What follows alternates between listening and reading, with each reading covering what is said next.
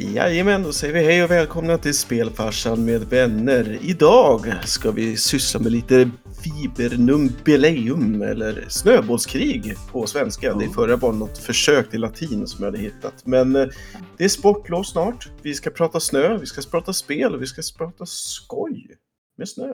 Jag, jag tänker vara politiskt korrekt säga att det är sportlov just nu. Mm. Så att mitt i festen skulle man kunna säga. Eller mitt i backen. Mitt i backen, exakt. Det är, det är lite spännande med sportlov, för det har ju alltid varit så att det har varit lite olika veckor över Sverige. Men det Mm. finns ju en kommun som kör påsklovet på en annan vecka än när påsken är. Vilket är konstigt, för den ska ju vara samlad. Exakt, på- Mm. vilket är väldigt spännande. Jag kommer inte ihåg vilken det var, men de har tagit den här grejen att vi kan ha lov lite vecka vi vill och så kallar vi det för typ Ja. påsklov eller liknande. Jag, jag är inte okej med det beteendet och de borde inte få ett enda påskdag, tycker jag. Nej, men å andra sidan så är det lite märkligt för att jag tror det hade- hade att göra med att det var bara när påsken låg väldigt nära sportlovet så ville de inte att det skulle vara att folk skulle vara iväg under en längre tid. Så då bestämde de sig för att just det, att de bara flyttade den. Men passus på den egentligen. Alltså, jag känner så här, tanken var god, men påsken... Mm. Nej. Påsken är ju påsken. Jesus hade ju inte gillat det här. Det hade han inte gjort. Nej, men Fast- påsken var väl inte hans grej riktigt. Nej, Inte riktigt. Inte alltså. hans Det- bästa tid. det sket sig lite kan man säga. Ja, så det var så här, det, det var en grej på gång. Mm. Det blev lite strul. Mm. Sen tog det slut. Men Mm. han ångrade sig. Där har De vi. kom tillbaka. Ja, back, han, han ångrade sig. Han bara, "Äh, vi kör ett varv till. Sen så bara, förresten, jag drar hem. Mm. Men är det inte så precis med, som med jul att det så vi, hur vi firar påsk idag, det är väldigt tyskinspirerat? Eller kommer Mm. det här med ägg och kacklerier och grejer? Eller är det någon annanstans ifrån? Nej, alltså ägg, utan att breda ut sig för mycket med tanke på att det är spel vi pratar om. Men ägg är väldigt svenskt. Mm. Men resten av påskmenyn har vi snickrat ihop på, ja, från typ sent 1800-tal tills nu. Men Easter, Men, egg, eh, Easter eggs kan vi väl säga är lite spelrelaterat. Easter eggs är definitivt... Jag tycker i och för sig det är lite kul att, de, att det just blev Easter eggs som blev termen för hemliga Mm. saker i spel. Det skulle, man kunna, det skulle man kunna borra sig ner i ganska ordentligt. Vem hade det första Easter egget till exempel? Skulle Vi tar det på påskprogrammet sen, tänker Jag jag. tänkte säga det, där, Ja, där exakt, det får ni eh, lite av en teaser inför vad som, vad som kommer. Men eh, innan vi ger oss ut i spåret, skulle man kanske säga, så har vi ju chansen att se om det blir en vurpa i Rätt läge. Rätt läge. Ska vi se. Precis. Nej. Det blev inget åka av i de svarta backarna där inte. Nej. Men jag, men jag har en svart har vi? burk däremot. Ja, Det har du. Ja. Den, nice. Arctic Sky. Arctic Sky, fast Cool. ganska nice. Jag gillar färgerna. Vi pratar Mm. limegrön mot någon slags turkos och någon slags blå. Med svart Mm. topp. Med svart. I like it. Arctic Sky. Jag kände att det passade. Ja, det passar, passar bra. Men smakar det som en slice of heaven? Jag, Men, jag känner en- inte kanske att det var... Det är Det en godkänd sportlovsöl. Men Okej. bara under sportlovet. Du vet att den, den termen i sig betyder ingenting. Nej. För att vi, vet inte, vi vet inte vad det här betyder. Det är en godkänd sportlovs... Och då var det så här, men vad betyder det egentligen? För alla kids där ute, om ni vill ha kul på sportlovet. Ja, där, Mm. där. För alla kids där ute, drick mer öl. Mm. Och som vanligt så kan vi inte stå för någonting om det, så kom Nej. inte här och klaga sen. Men eh, vi eh, ska prata spel. Vi hade ett antal sådana här program där vi har pratat snö och jul och allt möjligt. Men vi kom på att för att göra det så enkelt för oss själva som möjligt och varför inte så har vi nu istället för att det handlar om sportlov så handlar det om snö. Japp. Tema vinter skulle man kunna säga. Så ett Mm. bredare paraply så att vi kan eh, ta oss friheter med vilka spel vi väljer. Vi ska välja lite spel som har den här eh, röda linjen. Eller vita linjen kan man säga om det är snö. Ja, Och, och Den vita grön tråden. förhoppningsvis. den vita tråden, ja. Och eh, vi har initiellt valt ett spel var. Och sen får vi se om vi har lust och tid över att köra lite fler efteråt. Men jag kan ju säga att som start så hittade jag, när jag bara slog en snabb sökning, spel med vintertema. Tänkte se vad, vad eh, webben faktiskt föreslår. Som bästa vinterspels, eller bästa spel med vintertema. Mhm. Vilket tror ni de hade som första bara som så här kul grej? Ett snowboardspel. SSX kanske? Inte Nej. alls. Det, jag tror inte någon av er kommer vara i när. Jag hade aldrig riktigt Nej, sån nej. här. Det är alltså Sniper Ghost Warrior Contracts. Jaha. Jaha, det, den gamla. Den, den gamla klassiker. Och jag hade för jag vet ju typ vad det är för spel, men när jag såg på um, omslaget så är det faktiskt en vinterbild. Så tänkte jag, ah, fair enough. Jag hade nog hellre valt uh, nummer två på listan, som var Subnautica Below Zero, som känns som ett, ett bra spel med vinter, eller ett bra spel med Kallt vatten, tema. vattentema, så arktiskt tema. Alltså, Ja. jag, jag hade ju kunnat tänka mig att annars så här, riktiga gamla klassiker som Winter Games till, till Commodore skulle dyka upp där någonstans. Så. Det kan ha varit nice. Mm. I övrigt så var det lite konstiga spel, men eh, Frostpunk var ju med och eh, det är intressant för det här Mm. programmet. Vi kommer tillbaka till varför. Och även, tyckte jag lite kul, som jag aldrig hade gissat, Batman. Arkham Origins. Ja, och sen, har- det är väl för att det är massa snö. Det är precis som första Metal Gear Solid. Har ju också en del Just snö, det. även fast man är typ mest inomhus sen. Men utsidan är det. snö. Och sen var det sådana spel som jag tänkte att man borde komma som Metro Exodus som ju faktiskt är Mm. på vintern. Men det Ja, hade jag där är aldrig ju- tänkt på. Är inte Horizon också? Horizon Jo, Zero Dawn, definitivt. definitivt. Mm. Den hade jag nog eventuellt kunnat komma på, men, men Metro hade jag nog inte ens tänkt på. Och Mm. eh, sen så, även då, som, som faktiskt säger själv, Monster Hunter World Iceborne. Det var så här, Mm. ja, just det. Ja, Så att det finns några stycken. Eh, Och Ice Climber. ja, precis. Men jag var inte med på den här listan. Jag tror att de här är väl fokus på lite nyare spel, misstänker jag. Vi har ju Donkey. Kong också. Vad heter Ja. den? Frozen någonting. Tropical Det- Freeze. Fast det Tropical inte Freeze. Mm. Det finns ju jättemånga spel klassiskt sett, men jag, tror att, jag misstänker att det här måste ju vara typ senaste 10-15 åren eller någonting de hade den här listan. Ja, vem, vem känner sig mest frusen och vill börja med, med spelen vi har valt? Ja, jag kan väl alltid... Nu sa och för sig du, jag kom precis på att för alla de som är intresserade, jag och Oskar har även saker att dricka. Men ni behöver inte vara oroliga. Det, är- det är liksom, it's Vär, värmande saker. Det är hot cocoa, självklart. Ja, jag har faktiskt... eh, Det är, eh, är kakao med eh, lite likör i. Okej, så jag var ju nästan där. Mm. Vi kan väl säga att det blev en eh, 3 av 3 på, Mm. på den skalan. Och jag kör också en dryck. Mm. Nafse. Nej, men som sagt, jag kan sparka Kör. igång. Som sagt, jag har ju valt då, som vi hintade lite lätt om, så har jag valt Frostpunk, som ändå Mm. är ett förhållandevis nytt spel. Första huvudspelet kom ut 2018 och sedan dess så har det kommit tre stycken DLCs. Det är på gång Frostpunk 2 som släpps i Mm. augusti och det har även kommit ett brädspel så det har liksom hittats på lite kul även efter det här. Och kort och gott så är det ju ett eh, dystopiskt city building survivor-spel som går ut på att man ska hålla folk vid liv och göra ganska så radikala beslut och utan att ja, och man inkluderar val som 24 timmars arbetsskift, barnarbete med mera, med mera. Men eh, för att ge lite kontext till det hela, vad det nu är så att säga, så är det så att det är lite roligt för det följer halvt om halvt en, eh, den riktiga, våran tidslinje, men med lite alternativa eh, händelser. Så att det börjar med att eh, man eh, kommer på, eh, eh, det finns ju en, en uppfinnare, eller en matematiker egentligen, som heter Charles eh, Babbage, som eh, var väl eh, fadern till eh, datorn i princip. Han skapade den första maskinen kan man säga för att beräkna saker och ting. Och, eh, men här så eh, skiljer sig då förstås spelet lite grann mot eh, vad, eh, vad som hände i vår tid så att säga. Men han lyckades göra en massa beräkningar som sen ledde fram till att också professor Hawkins eh, eh som en fiktiv person tog fram något som heter Steam Core som eh, i praktiken så uppfann man då stora robotar som kunde göra fantastiska saker som även fick då effekten att Storbritannien blev, förutom att man är en stor makt i sig, blev en enorm stormakt.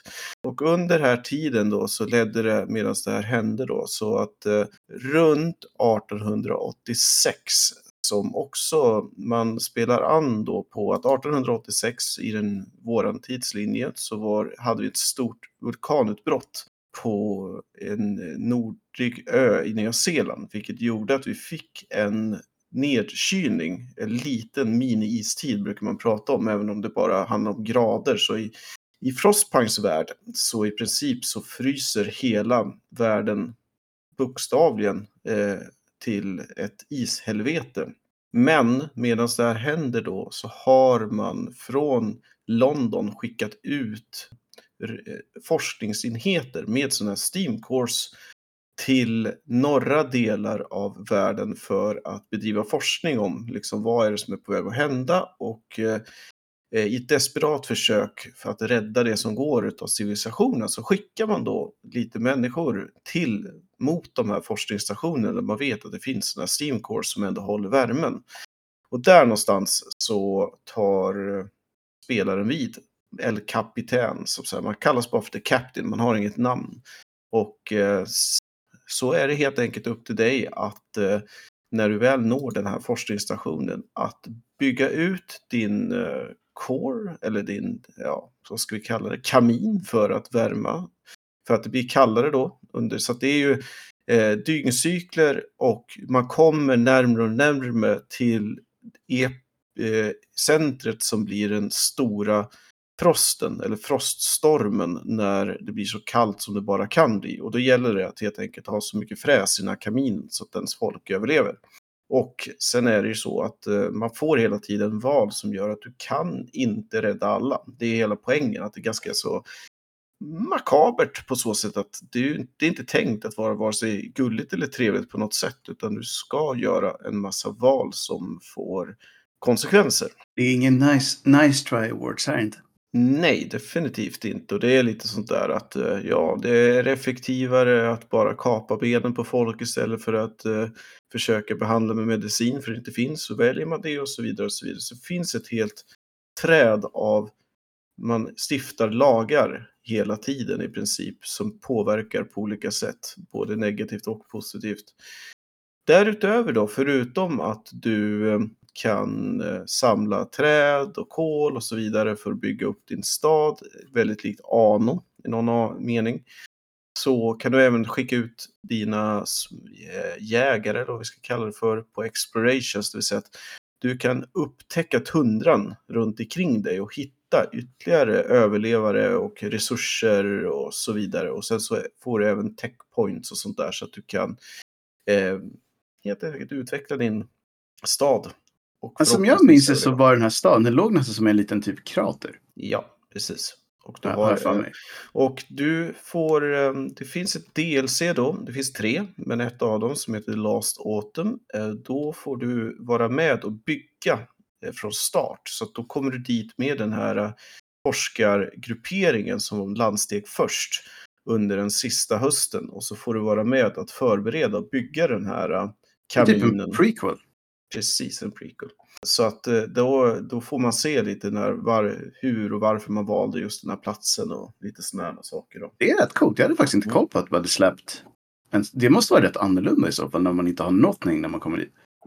Ja, precis. Du har med dig den här uh, kärnan eller kåren. Mm, men jag tänkte ingenting annat anser jag. Alltså, det är väl bara en tom plats när de kommer dit? Eller? Ja, det är bara en tom plats. Men sen mm. så har du grundbulten med dig på det, vet ja. det, julångaren som du kommer dit med. Och sen så, så man får typ, det är typ det första man gör då, att man sätter upp den? Precis. Nice. Eh, sen så finns det också ett eh, DLC som inte jag har spelat som heter On the Edge. Som det sista som kom ut. Där um, eh, man får um, spela vad som händer efter slutet av, alltså det är inte Frostpunk 2, men det är ändå efter huvudspelet har tagit slut. Mm. Så, cool. Men eh, som sagt. Alltså, jag kommer ihåg, jag har inte kört det här spelet, men jag tittade väldigt mycket på när det kom, att det finns väldigt många olika sätt att ta sig igenom. Alltså även om det är, som, som du är inne på, väldigt tuffa och ganska mm. här, omänskliga val. Så var det ibland ganska konstiga val som funkade väldigt bra. Jag vet att någon som jag tåg på blev sån här starta någon så här jättekonstig kultaktig mm. religion. Och det var typ det bästa lösningen. För då fick ja. alla bättre moral och jobbade hårdare helt plötsligt. Det ska ju också sägas att eh, både huvudspelet och i alla fall två av DLCerna har ju ett antal olika slut. Så det finns inte bara ett slut. Och, så att det beror lite på, så det finns ju så kallade dåliga slut och ett mm. bra slut beroende på vilka val man har gjort. Då. Ja. Mm. Men den, som sagt, religionen verkade underligt effektiv. Så var också någon mm. som hade skapat en typ liten minisol. Mm. Det måste ju vara smart för att få ja, det, värme. Fast, det var jättesmart, men den åt typ upp nästan all energi Ah, stan för att driva den. Så var man ju tvungen att göra som vanligt så här. Ja, men då får vi kapa typ eltillgången till sjukhuset eller barnhemmet eller något sånt där. Ja, Så att- okej. Det finns inga free lunches i det här spelet. Men vad är målet? Är det att få Överleva den här köldknäppen tror jag. Målet att så att och med många att- som möjligt gör det? Ja, alltså som sagt att på, eh, för varje dygn som går så blir det lite kallare och då, det innebär ju också så att först när du startar med ett antal överlevare då kan du bygga hus som är precis runt din kamin där det är som varmast. Men ju för, när du hittar andra överlevare och så, då kommer inte de få plats utan då måste du hela tiden utöka så att värmen även sträcker sig längre ut. Och beroende lite på vad du gör för val, därför du, du har hela tiden val så som att till exempel att satsa, för du hittar delar kan man väl säga till den här kaminen ute i, på tundran så att om du ska få alla att överleva då måste du ha lagt tiden på att få tillräckligt bra delar för att det ska bli tillräckligt stark. Men då kan det också vara sådana saker som att du får välja på att antingen så, så lägger du tiden på det så den blir tillräckligt stark så att alla överlever. Eller så kan du till exempel välja att rädda färre och komma undan med mindre och så vidare. och så vidare. Så att, men kort och gott, det slutscenariot är att när dagarna är, när du väl har nått datumet för den stora stormen, då går det från att vara 20 minus till 80 minusgrader och då dör alla som inte är inom en viss radie av värme, så att säga. Mm. Man har ju den här kaminen som hela tiden kämpar mot de här yttre frysgrejerna har jag för mig. Mm. Måste ha den där balansen hela tiden. Och den förbrukar ju kol, så du måste ju hela tiden ha tillräckligt med kol också. Så det är också en grej att du måste bygga upp ett tillräckligt stort lager när du kommer till Mm. dag noll så att säga för att den ska klara av att brinna under den tiden. Som man inte kör också en så här typ enhance mode, att den brände jättemycket under någon Jo, kortare tid också. Absolut, för det är Mm. också sådär att du, när de här köldknäpparna som kommer under, då måste du liksom tutta på lite extra Ja. för att... Och sen kan ju folk bli sjuka och sånt där också under tidens gång, så att det får ju följdeffekter om du väljer att... eh, Det, det är också så att de resurser du kan hitta, det är, det är inte tänkt att de ska räcka. Nej. Utan det är också återigen tänkt att du ska välja vad du gör med de här resurserna. Oftast blir det så att du måste offra en del folk för de som har kunnat bli sjuka på grund av att det var för kallt för att det ska räcka sen i slutet och så vidare och så vidare och så vidare. Så det är ett väldigt resurspysslande. Alltså det är ett rätt spännande spel. För det känns som att det är en blandning mellan typ Civilization, SimCity, Mm. någon slags eh, dystopisk skräckgrej. Och, nej, de fick till en bra mix. Om jag minns rätt så var det betygen för det här spelet generellt sett väldigt höga. Mm. Men att det också ansågs ganska svårt. Ja, och så var ju det också indie-klassat. Mm. Ska vi säga. Så, Men ja, eh, jag vet dock, jag tror att det också sålde rätt okej. Annars Ja, det hade inte alla de här det. DLCn och det dykt upp. Nej, det, det sålde bra. Det enda jag kan tycka är att de borde ha tajmat nu med tvåan är att man släpper ju inte i augusti, man släpper ju i december. Come on. Mm. Exakt. Ja, och jag saknar också att man inte kan hitta Rudolf. Det hade varit jätteroligt om de haft ett litet Easter egg som sagt. Ja, det hade, det hade varit Eller bra. bara ja, tomten. Mm. Men det här är ju ett spel som eh, jag tror finns på de flesta plattformar, höll jag på att Det säga. har ju kommit ut både till Playstation i alla fall och PC och ja, eventuellt också Xbox. Eh, Jag vet så inte att- det med switchen, men eh, vi vet aldrig hur det är med switchen. Det Nej, men är inte det här lite för mörkt för, för Kan vara lite för mörkt. Kan, Nu ska vi se här. Playstation, Xbox och Mac, PC. Ingen Ja. Switch. Nej. No, no. Så att eh, de flesta av er där ute har chansen att prova det här. Det är också ett spel som jag vet har dykt upp på lite reor här och där. Så Oh, ja, eh, jag, jag tror att du kan få det för ungefär, just nu utan några speciella så här rabatter eller något så går det runt loss på ungefär 300 kronor på Mm. eh, Steam. Sen så kan jag tänka mig när, när tvåan är på gång så kanske de kör några deals och sånt där. också. Ja, du kan säkert få någon bundle där du får med ettan Mm. också för en billig slant. Men jag ska säga så här. Vi brukar ju säga så här när vi kör sådana här. Skulle du rekommendera det här till folk och till vilken kategori av gamers tror du? Alltså, speciellt till folk som gillar Ano-spelen så skulle jag vilja Mm. säga, fast det här är ju mycket mindre, det är ju ingen trading utan det här är ju bara liksom Management. management. Eh, Mm.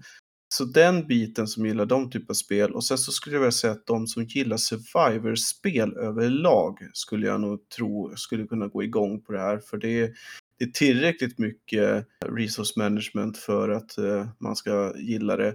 Eh, jag skulle inte säga att om du är en, att du förväntar dig en ren citybild. Det finns ett endless mode när du Mm. teoretiskt sett kan liksom i princip köra det som ett sånt spel. Men det är liksom inte tänkt att vara ett sådant spel. Det är tänkt Nej. att vara en fast tid med konsekvenser av dina val snarare än ett SimCity. Men den har ju faktiskt ett slut. Till skillnad Mm. från många av de andra spelen. Så att, nice. Vi... Eh, jag ska säga, jag, någon gång ska jag sätta mig och köra. Jag, vet, jag tittade på väldigt mycket och sen tänkte jag, hmm, där ska jag.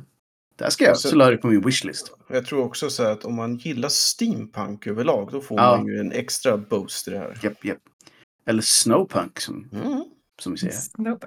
Eh, det finns ju till Mac, så till och med jag skulle kunna spela det här på en dator. Och, ja. och det är inte så här superkrävande skulle jag kunna tänka mig. Det kan är- ju inte vara det. Nej. Det, det skulle vara väldigt förvånande. De här spelen brukar inte vara så himla törstiga när det gäller Nej. grafikkort och ramminne och sådär. Nice! Mm. Då, eh, då känns det som en bra start. Vi, vi har rullat igång den här bollen nerför backen nu. Ja, exakt. Eller alternativt pulkan är i, i rörelse. Men, så länge det eh, inte är en lavin så är det okej. En lavin av glädje. Ja. Mm, Något, sånt. Linda, känner du att det är, att det är go time? Absolut, jag kan köra nästa. Och jag håller mig till mitt vanliga tema kanske, vilket är skräckspel. Och även om det här är kanske skräck mer med eh, fnuttar. eh, Så jag är trodde du det... skulle säga jag håller mig till mitt vanliga spår.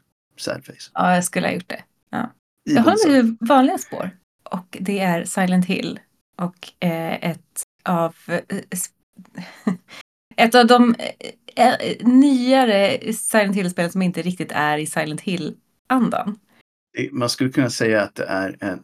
Fast det är väl ett officiellt? Det är ett officiellt, men det här är eh, ett av de eh, Silent Hill-spel som byggdes, eller utvecklades för West. Ja, just det. Ja. Och ibland så är det bra och ibland så är det mindre bra. Ibland är det Ex- bara så här. It's okay. Ibland så är det både och. Och det här, Mm. det här tycker jag är ett av de spelen som eh, passar in i både och. Det här heter Mm. då Shattered Memories. Mhm. Och eh, det släpptes ju bland annat till Playstation 2, tror Ja. jag det borde ha varit. Playstation i alla fall. varit det. Ja. Lite handhelds också till Nintendo Wii. Vilket var den plattformen jag valde att spela det här på. Shit, alltså vad... Ja. Alltså jag tänker att så här. Det var inte så länge sedan. Men, men med tanke på att Silent Hill liksom har varit borta så länge så inser man på en gång att det måste det varit. Ja, ja det, while, som man säger. it, it has been a while. Det släpptes 2009 typ. Ja, just det. I, i de krokarna. Mhm. Och eh, det var ju då när, när liksom Team Silent hade lite grann gett upp på Silent Hill. Och det Mm. här blev någon annan som skulle göra det. Och i det här fallet de Climax Studios kanske? Ja. Som, Känns inte som- alls... Redan där känns det att ja, ja, det känns exakt. det här blir annorlunda i alla fall. Väldigt annorlunda. Och det, det är ju också väldigt annorlunda. Det här är ju någon form av reimagination av det första Silent Hill. Egentligen så, så tror jag att anledningen till att de fick göra det här var för att de sa att vi ska göra en ny version av första Silent Hill. Mm. Men det blev ju inte alls så. Det är ju väldigt mycket ett experimentellt Mm. eh, typ av, av spel och eh, men fortfarande under liksom Silent Hill Verkligen. paraplyet. Ja. Och, men det handlar ju faktiskt det handlar ju om Harry Mason och honom känner vi igen. Vi, vi har hört det namnet förr. Vi har Eller, hört- vi har av oss har hört det namnet förr. Exakt. Och eh, i spelets början så är han ju med om en bilolycka och han tappar bort sin dotter Cheryl i Silent Hill och målet är då att hitta Cheryl. Och det som är lite kul med det här spelet är att det utspelar sig under liksom två tidslinjer. Dels så är man ju Harry Mason i Silent Hill där man försöker leta efter sin dotter men också sitter man hos psykologen och pratar om det som hände i Silent Hill. Vilket eh, Det känns i och för sig lite Silent Hill att göra så. Ja, exakt. Och, det, och, och de, jag tyckte att de lyckades ganska bra, i alla fall back in the day, med Mm. det här. Därför att man blir utvärderad hela tiden under tiden som man spelar. Och det påverkar dels slutet såklart, men också Mm. andra saker som händer i spelet. Hur karak- andra karaktärer beter sig, hur andra karaktärer klär sig och sådana saker. Och en av de stora grejerna som har blivit utvärderade är ju såklart när man sitter hos psykologen. För där får man ju göra lite olika tester. Man får svara på liksom vanliga frågor. Typ hur, hur mycket känner du för att ta en drink när eh, livet bjuder på motgångar? Och sådana saker. Och man får göra lite så här Rorschach-test såklart och färglägga hus. Och allt det där påverkar ju hur spelet eh, fortlöper. Vilket är i och för sig ganska cool. Alltså ganska cool grej. Och jag tror att det var ganska nytt på den här tiden också. Man försökte verkligen testa hur det här funkade. Och vissa saker funkade jättebra. Eller, det bra är väl att ta i, men vissa saker funkade och var lite roliga. Andra saker var lite mer så här, meh. Alltså nästan alltid när de går utanför boxen tycker jag så blir det så att vissa grejer låter coola tills man har testat dem. Och vissa andra är så här, det där funkar. Ja men verkligen. Och sen så blir man också utvärderad i vanliga spelet. Och det när man, sitter, när man har konversationer med andra människor så kommer det upp en liten ögonikon. Och den registrerar vart man tittar. Så om man tittar personen rakt i ögonen så kanske det tyder på att man är en liksom, rimlig person som vill ha en konversation. Vilket gör att kanske att slutet blir bättre eller andra saker i spelet blir bättre. Men om man liksom tittar runt på eh, omgivningen runt omkring så kommer det också påverka liksom hur, eh, vad som händer och speciellt vad man tittar på. Hos psykologen till exempel, han har ju av någon anledning ett stort barskåp precis bakom sig. Så sitter man och tittar mycket på den där spriten som står där så kanske det påverkar liksom vilket slut man får. Ehm, jag vet inte om vi sa det, men hur, hur knyter det här spelet an till vårt vintertema? Ja, det som är då speciellt med det här spelet och till skillnad från andra Silent Hill-spel är att det finns en otherworld. Men eh, den här otherworlden istället för att vara den här liksom industriella den mycket klassiska. galler, mycket blod, exakt det typiska Silent Hill Otherworldet så är man då i en frusen värld. Så allting, när man kommer till den här Otherworld, då fryser allt. Vilket är ett väldigt bra sätt för Harry Mason att komma undan frågor, människor mm. som funderar på vad han egentligen håller på med. För att han hamnar i ganska jobbiga situationer. Så helt plötsligt så kan liksom polisen som man, som man då känner igen också från Silent Hill 1, hon kan helt plötsligt bara frysa till is och då kan han ta sig vidare. Men är alla frusna från start eller är det det att de medan du upptäcker dem så att säga? Ja, med, medan man upptäcker dem. Så, eh, och det, det här är också en sak som är så här, lite både och i det här spelet är att den enda gången du egentligen har någonting att vara rädd för är i den frusna världen därför att där finns det monster. Men de här monstren, du, du kan inte dö, du skulle kanske kunna döda dem men du har inget vapen att tala om så att det enda du kan göra är att springa ifrån dem. Vilket, den typen av skräckspel där man inte, till exakt. skillnad, vilket- till skillnad från eh, typ Resident Evil, så kan man inte skjuta allting som rör sig. Nej, exakt. Och, och, och springa ifrån dem är så här, det är fine de första gångerna men efter ett tag så blir det ganska repetitivt Mm. och man känner så här, men det här, jag har gjort ungefär samma sak. Det som är svårt är att det är ganska mycket, det är ganska svårt att hitta när man ska springa ifrån de här fienderna så man hamnar lätt i en liksom loop där man inser så här, okej nu har jag gått fel väg. Det är ju Vilket- en klassiker, känner jag, för I- genren. Och det, man ja, verkligen. tar dåliga beslut hamnar i en återvändsgränd typ. Ja, ja verkligen. Och det, och det funkar bra. Det är bara det att det blir lite tradigt efterhand. Mm. Liksom. Alltså, jag kommer inte... Fick det här... Är det här ett av de spelen som fick okej betyg? Eller var det här ett av dem när det var så här, det är över med Silent Hill nu, det är dags att vi tar en paus? Ja, men jag tror att det här gjorde ändå lite grann av en revival för det. För Mm. det som hände var ju typ 2004 eller något så kom ju The Room som var så här Japp. lite grann en vattendelare för det var inte ett skitdåligt spel. Men det var heller inte i samma anda som de väl- tre första titlarna. Det är väl sådär som du alltid säger, så här, det här spelet hade namnet Silent Hill, så folk förväntar sig en viss typ av spel. Hade det inte haft det så skulle folk kanske tyckt att det var ett genuint bra skräckspel eller liksom psykologisk. Alltså det, det finns, ibland är det bra att ha ett namn från ett brand och ibland så är det dåligt. Jag tror att The Room var nog lite så här att det hade kanske klarat sig bättre om det inte hade varit en del av Silent Hill-serien. Ja, men det hade det nog definitivt gjort.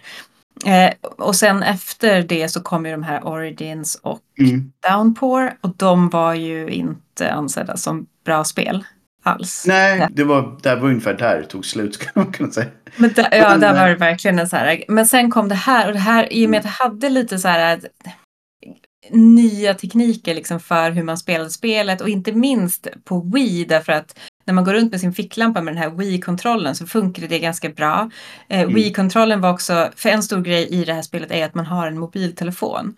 Som man kan använda faktiskt som en mobiltelefon. Den ringer, man får sms, man kan, man kan ringa eh, nummer som man hittar på affischer. Man kan också ta bilder, vilket är en väldigt stor del. För det här är ju verkligen, som namnet antyder, det handlar mycket om minnen. Och det här är minnen av saker som har hänt i Silent Hill. Så att man kan liksom ta en bild på någonting och få se en person. Och i samband med det så får man ett telefonsamtal eller ett, ett, ett eh, sms som har med den här personen att göra.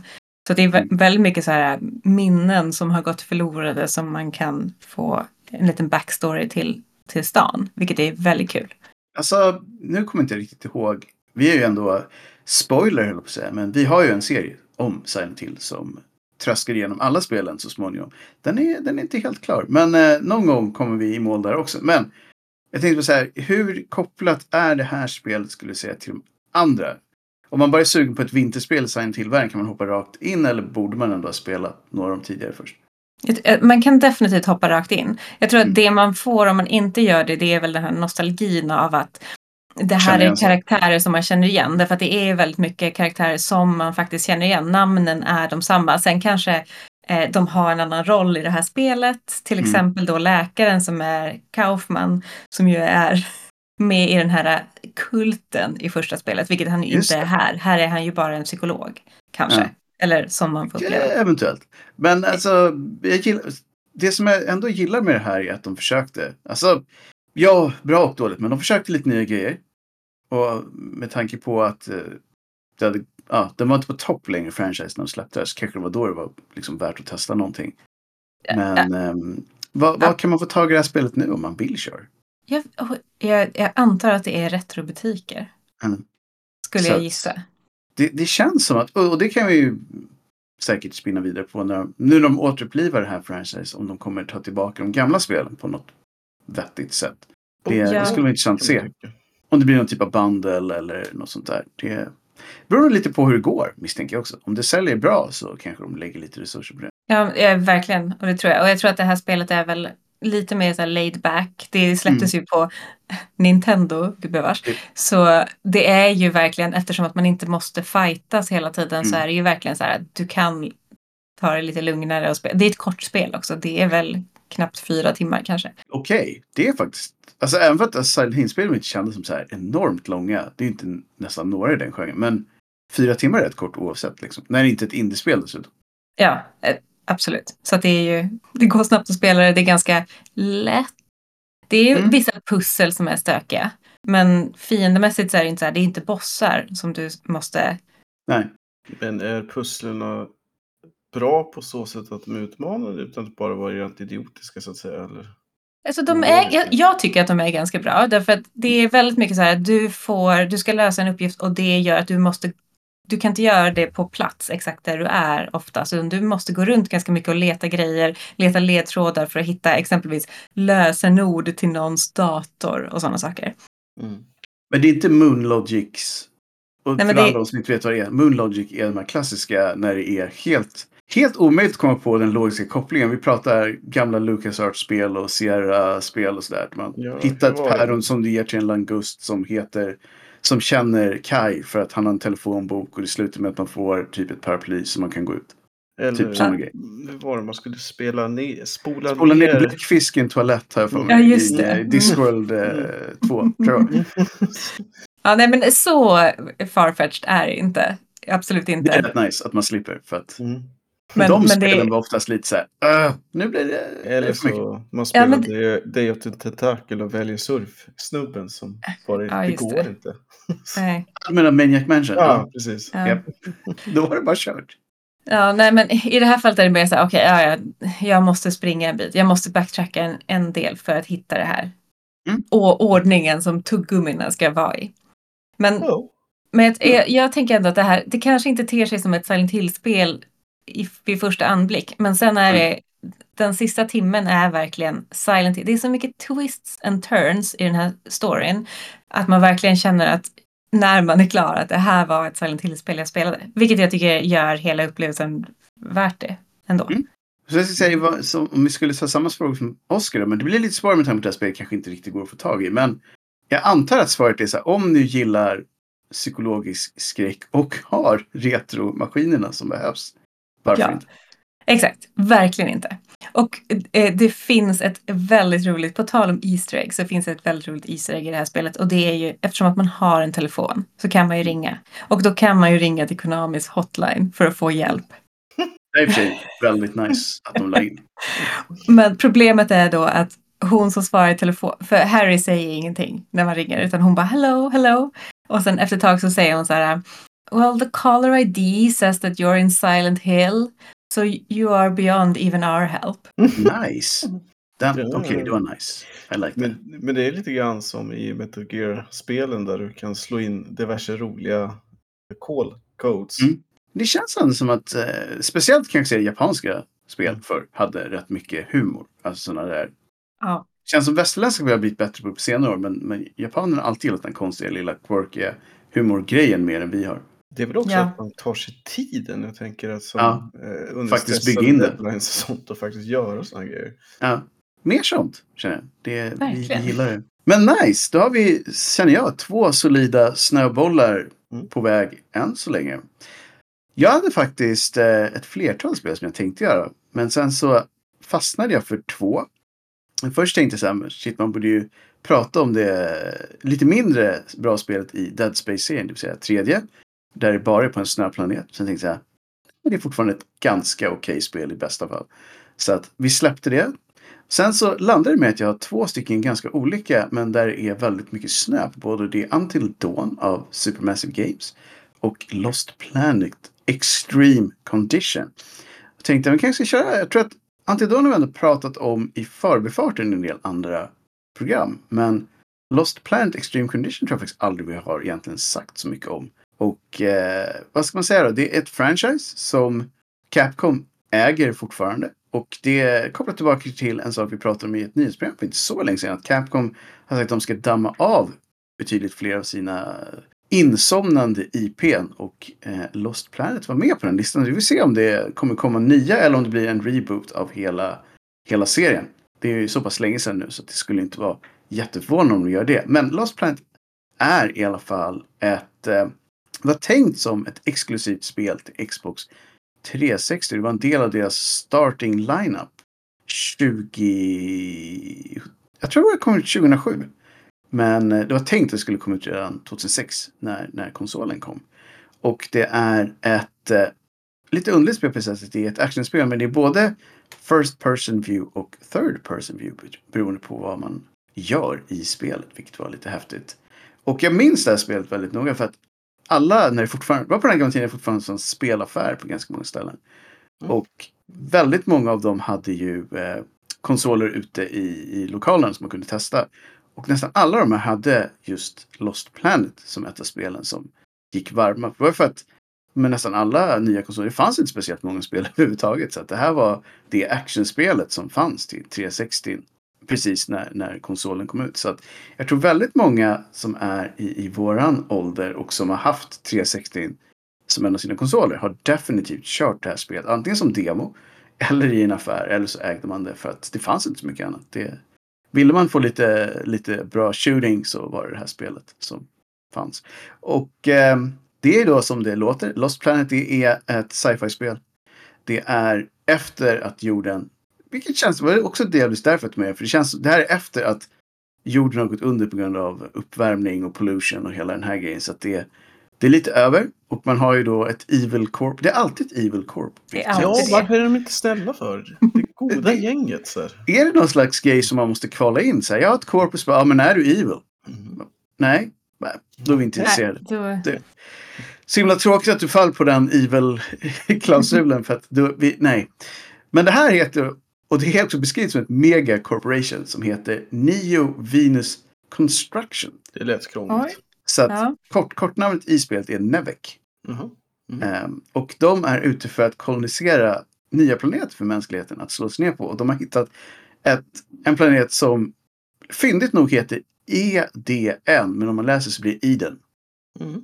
Ah, snyggt. Med. Så nice. Och eh, det har nummer tre också. Jag antar att de har misslyckats två gånger någon annanstans som man inte får reda på. Men, men eh, det börjar i alla fall med att eh, man är på den här planeten med eh, karaktären man, man, man spelar heter Wayne. Jag tror aldrig de säger efternamn, men hans pappa som är med heter um, Holden i efternamn. Så jag antar att även Wayne har det efternamnet.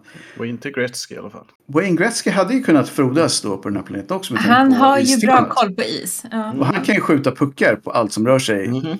Och eh, jag hade sagt så här, hade jag fått välja så kanske Wayne Gretzky hade kunnat vara med i det här gänget. Men eh, han var inte med. Nej. Han var inte med i början här. Och eh, en lite kul grej med det här spelet är att de har gjort en liten twist på eh, pirattemat. Så att det finns snöpirater i den här världen. Okej. Istället för typ gäng som det brukar vara i sci-fi. Så är det, man har sitt lilla piratcrew. Och de är ute med sina mechas. För det här är ett spel, eftersom det är Japan på säga, så finns det ju mecha action med. Och eh, de kallar det inte mechas men, men jag tror de heter så här suits eller något annat spännande. Och det är, det är robotar. Och man sitter i dem för att det är superkallt ute. Det är ständig istid på den här planeten. Så Varför att, har man valt en sån planet då? det, det tror jag faktiskt man aldrig får förklarat. Men jag misstänker att det var så att det inte fanns någon beboelig planet i närheten som checkade av alla boxar. Och Ja. det här Evil Megacorp och Forsk, en av de här under typ, inte huvudplotten men subplots är att de har kommit på ett sätt att värma upp den här planeten. Det är egentligen det. Makes sense. Så att, eh, det är väl lite det som hela tiden är så att vi behövde utforska den här planeten så att vi vet vad vi har att göra med. Och det är egentligen där det här spelet börjar med att Gail Holden som är hans farsa och när sonen Wayne blir eh, överfallna när de är ute och eh, utforskar helt enkelt av eh, ett stort monster. Och då kommer vi till vilka fienden är primärt i det här spelet. Det är alltså eh, stora, stora insekter som kallas för acrids tror jag. Med, fast inte på det vanliga sättet, utan A-K-R-I-D. Acrid. Och de har... Eh, Har Det är de lite eller? nej, det, det är väldigt stora insekter. Men det som är lite roligt med dem är att de är eh, typ som batterier. Alltså vi tänker lite Matrix.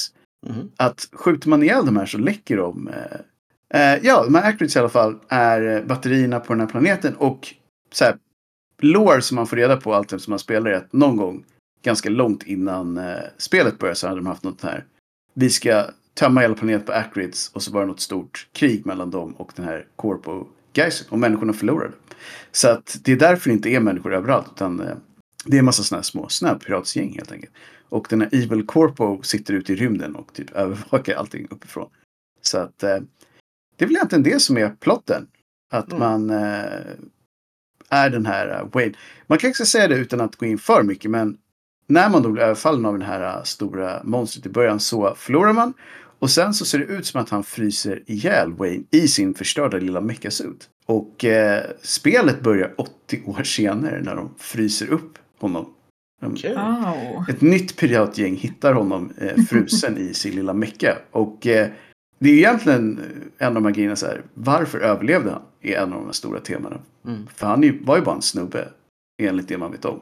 Han har inga minnen kvar själv heller om vad som har hänt. Utan det enda han vet var att han blev överfallen av ett, en acrid som kallades Green Eyes. Som han har ett vendetta emot. Jag tycker Så han har så också här- lite shattered memories. Mm. Verkligen. Tycker det är ändå så här ganska sketet val ändå. Liksom. Svinkall planet, full med otrevliga ohyra och sen Japp. så här. Vem fick det här jobbet egentligen? Liksom? Alltså det är jättelänge, det är därför jag tänkte så här, det måste ju varit den enda planeten som fanns i närheten. För annars är det så här, Mm. som du säger, det är ett så otroligt dumt val. Pågående istid, väldigt mycket monster, vi har fått Mm. stryk en gång. Det var roligt om det fanns en planet precis bredvid. bredvid och alla bara, varför tog vi inte den här? Nej. det är Som var jag tycker paradis. Liksom. Det är därför jag tycker det är så spännande, för den heter Iden 3. vad, vad händer med de två andra planeterna? Liksom? Och hur kan de kalla det för Eden när det är istid? Mm. Det känns inte... Ja, De kanske hänger att om vi får våran terraforming på plats så blir det som Iden. Ja. Mm, då väcker vi de här andra snuskiga djuren till liv. Liksom. Ja, men precis. Men eh, Ja, ja. Utan att spoila så mycket så är ju då hela det här spelet ehm, jag för mig att det är eh, alltså levelbaserat eller vad man säger. Och eh, alla de här, det är klassiskt actionspel så varje level har en boss. Och de har lite olika, det är oftast väldigt stora um, monster eller så eh, ibland så möter man andra, andra människor. För det finns ju andra snöpratsgäng och det finns den här Evil Corpo-grejen. Så ibland så är det mechas och lite annat man möter. Och det som gjorde det här spelet ganska häftigt var ju då att man kan både vara ute till fots eller i de här eh, suitsen. Och Mm. suitsen eh, drivs av energi så att den kan ta slut. Och man måste hela tiden ha den här energigrejen för att hålla sig igång. Så att det är en så konstig balans mellan att skjuta allting som rör sig eller att skjuta de sakerna man behöver för att ta sig vidare. För att det fina tappar ju de här energipölarna som man måste springa och hämta. Men för att springa dit och hämta så bränner man ju energi. Så att det är hela tiden det här Ja, balans. Mm. Ja. Men eh, hur pass mycket race-skjutande eller hur pass öppen värld är det så att säga?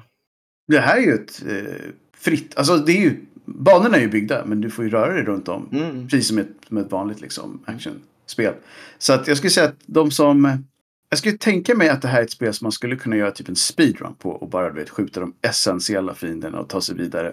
Och eh, oftast måste man ha en viss typ av energi när man kommer till slutbossen för att de tar ju längre tid och man vill inte få slut på energi under en, under en bossfight. Helt enkelt. För då, då, jag tror att de har gjort så att om man får noll energi så kan man inte använda de här mechasuitsen överhuvudtaget. Då blir man ju väldigt mycket mindre bra i en bossfight. Helt enkelt. Men går det att låsa sig ute så att man inte kan döda sista bossen? Jag tror att det alltid går att göra det rent hypotetiskt. För de har ju fortfarande de här vanliga vapnen. Men det blir väldigt mycket svårare. Mm. Så att det är inte... Inte, någonting inte att rekommendera. Nej, och, och jag tror också att det här spelet har ett antal svårighetsgrader. Så att jag tror att på de svårare svårighetsgraderna så måste man vara väldigt duktig på det här. Hur man balanserar sin energiåtgång hela tiden. Ja. Jag tänkte inte spoila så mycket mer om, om storyn. Men det är ganska storydrivet. Men action var det som sålde in det här spelet. Plus att det var coola mechas och sådär. Och jag tror att det här första spelet sålde ganska bra. Kontrollerna var lite konstiga. Det var därför jag aldrig spelade igenom mer än demot. Det kändes lite off. Och det sålde så pass bra att de gjorde eh, Lost Planet 2. Som också sålde ganska bra. Och sen så gjorde de misstaget att göra Lost Planet 3. Som var en prequel.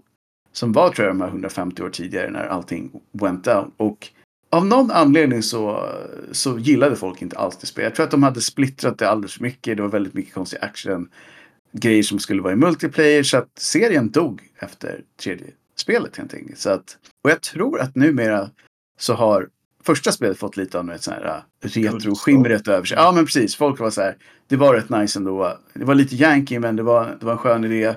Inte dags att ni, att ni borstar av det här och Mm. ger det ett, ett nytt, nytt försök. Och det finns på Steam tror jag. Men jag tror inte tvåan finns där. Men första spelet tror jag finns på Steam om man vill prova.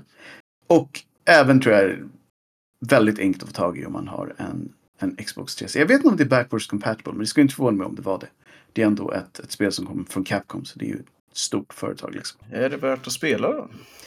Ja, som jag sa, jag tror att det skulle vara beroende på. Gillar man mechas eh, så är det ju ett stort... För de, de kontrollerna var bra. Gillar man snö, ja det finns inte så många som kombinerar de två. Och lite sci-fi. Så jag skulle säga att det är väl någonstans under de premisserna att man gillar den typen av spel så är det helt okej. Och det kan vara kul att testa på grund av att de har den här energigrejen som en lite ovanlig ingrediens. Det är inte så många actionspel som kör just den. Så att, ja, jag skulle säga så att en trea generellt sett och kanske en 3,5 för de som tyckte att det jag just nämnde lät som det bästa som har hänt sen Slice Bread. Tre och en halv snöboll. 3,5 snöboll av eh, en lavinvarningsmängd. Mm. Vi har nog inte så mycket tid kvar eh, när jag tittar lite på. Vi kan väl säga så här. Är det några spel som ni vill ha som så här honorable mentions? Alltid Ja. SSX tricky. Och Det- eh, Har ni hört oss så vet ju ni att det kommer alltid upp. Och det är nice. Det är väldigt Ja. nice. jag skulle väl också dra till med 1080 när vi ändå är igång. När vi ändå är i snowboardsvängen. Mhm. Mm, mm. När vi ändå är där i halfpipen. Sen finns ju det här, eh, vad heter det, Sledge Storm eller någonting i den stilen. Alltså nu kör de här um, typ snöskoterspelet. Ja, just det. Jag glömt vad det heter, men något åt det hållet i alla fall. det. Det jag tänkte på var ett spel som jag kom på precis nu. Men, men var inte I am Setsuna ett spel som var snö så in i bänken? Jo, om du Mm. googlar bara 25 Winter Themed Games eller någonting sånt, då kommer Mm. det komma upp bland de första fem. ungefär. Och du körde ju det. Japp, japp, japp. Och det var jättebra, förutom en otroligt fatal dum grej. Men eh, förutom det så var det perfekt, höll jag på att säga. Och, nej, men eh, det- de hade ju den här konstiga varianten att du kunde få abilities av många fiender, inklusive bossarna. Men du hade liksom inget sätt att kolla hur eller vad. Så det var bara så här, antingen så hade du bara läst på massor om hur du skulle göra det, eller så råkade du ha tur. Jag sa inte att man var typ tvungen att få så här cure och... Jo, jo, exakt. Massa- det, alltså det var så himla dumt för hade du otur då kunde det vara så här helt essentiella grejer som du inte fick och sen så bara, "Hopp, vad gör man nu då? Så jag har ingen aning om hur man får ta på det egentligen. Så, så det, det är ju så här, ska man få ut någonting av det spelet då ska du egentligen läsa på en, en halv guide eller två innan du ens eh, liksom sätter igång. Då är det ett jättebra spel men eh, game designen är väldigt märklig.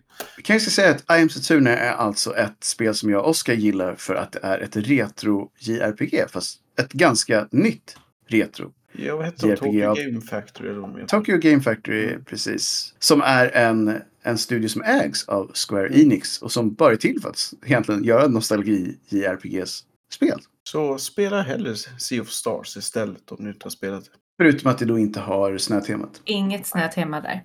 Det har lite snö faktiskt. Mm, det, det, det har. Man är på en glaciär där ett tag. Men Mm. i I am Setsuna så, så har jag för mig att det är snö Ja, det är hela egentligen tiden. bara snö. Hela alltihop. Också en, en, en rolig game i det spelet som jag för mig. Men du får rätt mig fel. Men var det inte bara pianomusik i hela det spelet?